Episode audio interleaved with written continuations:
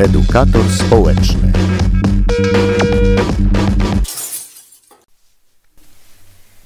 Witam serdecznie. Dzisiaj jest ze mną Klaudia Lach i w ramach edukatora społecznego opowiemy co nieco o pewnym projekcie.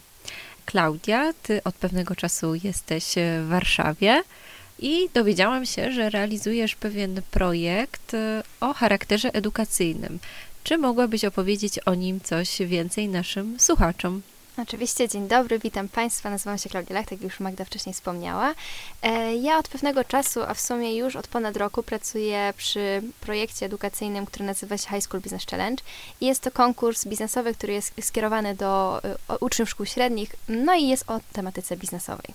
No a powiedz mi, jak to się stało, że w ogóle zaczęłaś realizować ten projekt? Skąd pomysł? Jak to w ogóle się rozpoczęło? Z racji, że w zeszłym roku rozpoczęłam swoje studia, również e, z początkiem studiów zaczęłam e, uczęszczać do Studenckiego Koła Naukowego Biznesu i tam e, organizowane są różne konkursy, różne projekty. Bardzo spodobała mi się inicjatywa właśnie High School Business Challenge, która niesie ze sobą bardzo wiele wartości i pokazuje młodym osobom, że można robić coś fajnego już w liceum. Więc przystąpiłam do niego jako współorganizatorka. Z racji, że to mi się bardzo spodobało, w tym roku zostałam koordynatorem. Akurat tak się złożyło, że pierwszy raz w historii w ogóle tego konkursu, organizujemy go od 7 lat. E, będzie on na arenie międzynarodowej. Jak do tej pory odbywał się tylko w Polsce, to teraz będzie odbywał się również w Słowacji, na Węgrzech oraz w Czechach. A powiedz mi, co dokładnie odbywa się w ramach tego projektu? Jakie działania? Mm, tak, więc jak, tak jak już wcześniej wspomniałam, jest to konkurs biznesowy, który jest skierowany do licealistów, ale również do osób uczących się w technikum.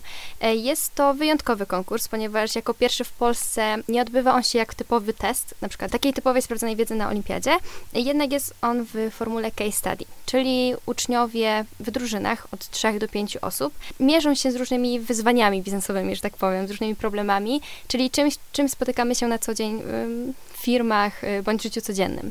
E, jest to o tyle fajne, że tak naprawdę oni nie potrzebują przeczytać pewnej literatury, nie potrzebują mieć pewnej wiedzy.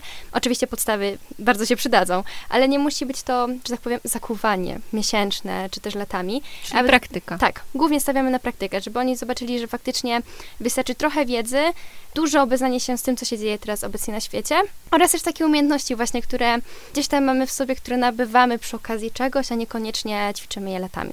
I w tym konkursie uczniowie właśnie to sprawdzają.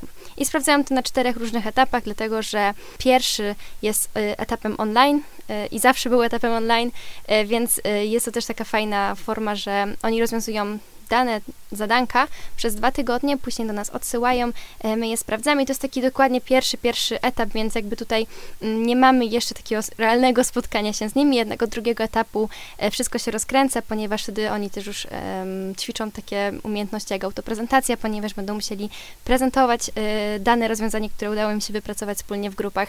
Później na trzecim etapie dochodzi już ten etap taki troszeczkę stresu pod wpływem uciekającego czasu, ponieważ mają ograniczony czas, nie tak jak już wcześniej, tylko robią to już przy nas na sali, nie tak jak wcześniej w domu, e, więc też tam ten czas jest ograniczony do kilku godzin, nie do kilku dni. E, no i też ten e, aspekt międzynarodowy w finale międzynarodowym, ponieważ już tutaj, co prawda w Warszawie dla Polski jest to tylko wyjazd do stolicy, jednak inne państwa przyjeżdżają do nas, więc tam też sprawdzają siebie, co jest fajne w językach swoich ojczystych, dlatego że nie chcieliśmy, żeby przed uczniami mm, była taka bariera językowa, nie wszyscy może czują się dobrze w angielskim, też to jest język biznesowy, więc też nie jest taki codzienny ze szkoły, mm, dlatego każdy kraj będzie miał przeprowadzony konkurs w swoim ojczystym języku i o to już też o to zadbaliśmy. No miejmy nadzieję, że w dobie pandemii wszystko uda się zrealizować tak, jak zaplanowaliście. No a powiedz, co daje Ci realizacja projektu, e, właśnie będąc w tej roli organizatora, tak? Jak to wygląda z Twojej perspektywy? Jakie Ty masz po prostu korzyści z realizacji tego? E, na pewno więcej korzyści mają y, uczestnicy tego konkursu.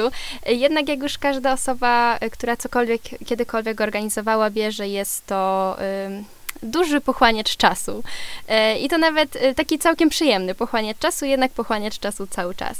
Co, co wynoszę przede wszystkim z niego jako osoba, która go gdzieś tam głównie organizuje, to bardzo duża samodyscyplina i też takie ciągłe działanie mimo pewnych przeciwności, dlatego, że przy tak dużym konkursie y, cały czas pojawia się jakiś, może nie tyle problem, ile niedogadanie, gdzieś tam uciekający termin, jest to też duży team, dlatego, że przy organizacji tego konkursu w tym roku pracuje ponad 70 osób, więc zgranie tylu osób e, w czasie, utrzymanie motywacji wśród y, tylu osób nie jest łatwe, e, jednak no jest na pewno wyzwanie. Ale tak jak nasz konkurs mówi, Business Challenge, tak więc jest to też również wyzwanie dla nas, organizatorów. Mhm. No ale na pewno uczysz się organizacji właśnie takich wydarzeń, realizacji projektów. No a powiedz mi też, y, zajmujesz się y, kwestiami rozliczeniowymi, raportowaniem. E, tak, tak. Jest to coś, co spotkałam się w ogóle pierwszy raz przy realizacji tego projektu, bo wcześniejsze projekty, które gdzieś tam udało mi się robić, nie dotyczyły mnie tej kwestii właśnie bardziej jakiejś ewaluacji, pisania raportów, y, rozliczeń i tak dalej. Tutaj całe szczęście mam do tego cały zespół osób, które mi w tym pomagają i znają się troszeczkę więcej na tym niż ja. E, aczkolwiek e, jest to duża nauka e, takich rzeczy, które kiedyś na pewno się przydadzą.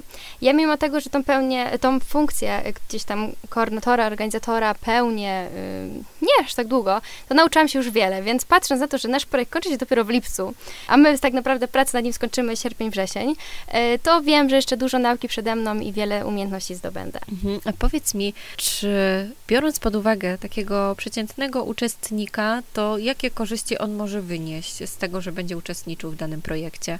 to, co przede wszystkim każdy uczestnik, e, niezależnie do tego, do jakiego etapu dojdzie w naszym konkursie, czyli High School Business Challenge, to przede wszystkim zdobycie umiejętności pracy w grupie. My to bardzo podkreślamy, dlatego że u nas ten aspekt pracy drużynowej jest bardzo, bardzo ważny, więc y, przyda się to nie tyle w szkole, ale również w pracy, ale też w życiu y, prywatnym w przyszłości, jak i teraz. Uczestnicy naszego konkursu mają takie realne zderzenie się ze światem biznesu, dlatego że w Polsce podstawa programowa, jeżeli chodzi o podstawę przedsiębiorczości, czy to nauk ekonomicznych, y, różnie to się w szkołach zwie, nie wszędzie jest taka sama, nie, na, nie wszędzie jest na tym samym poziomie.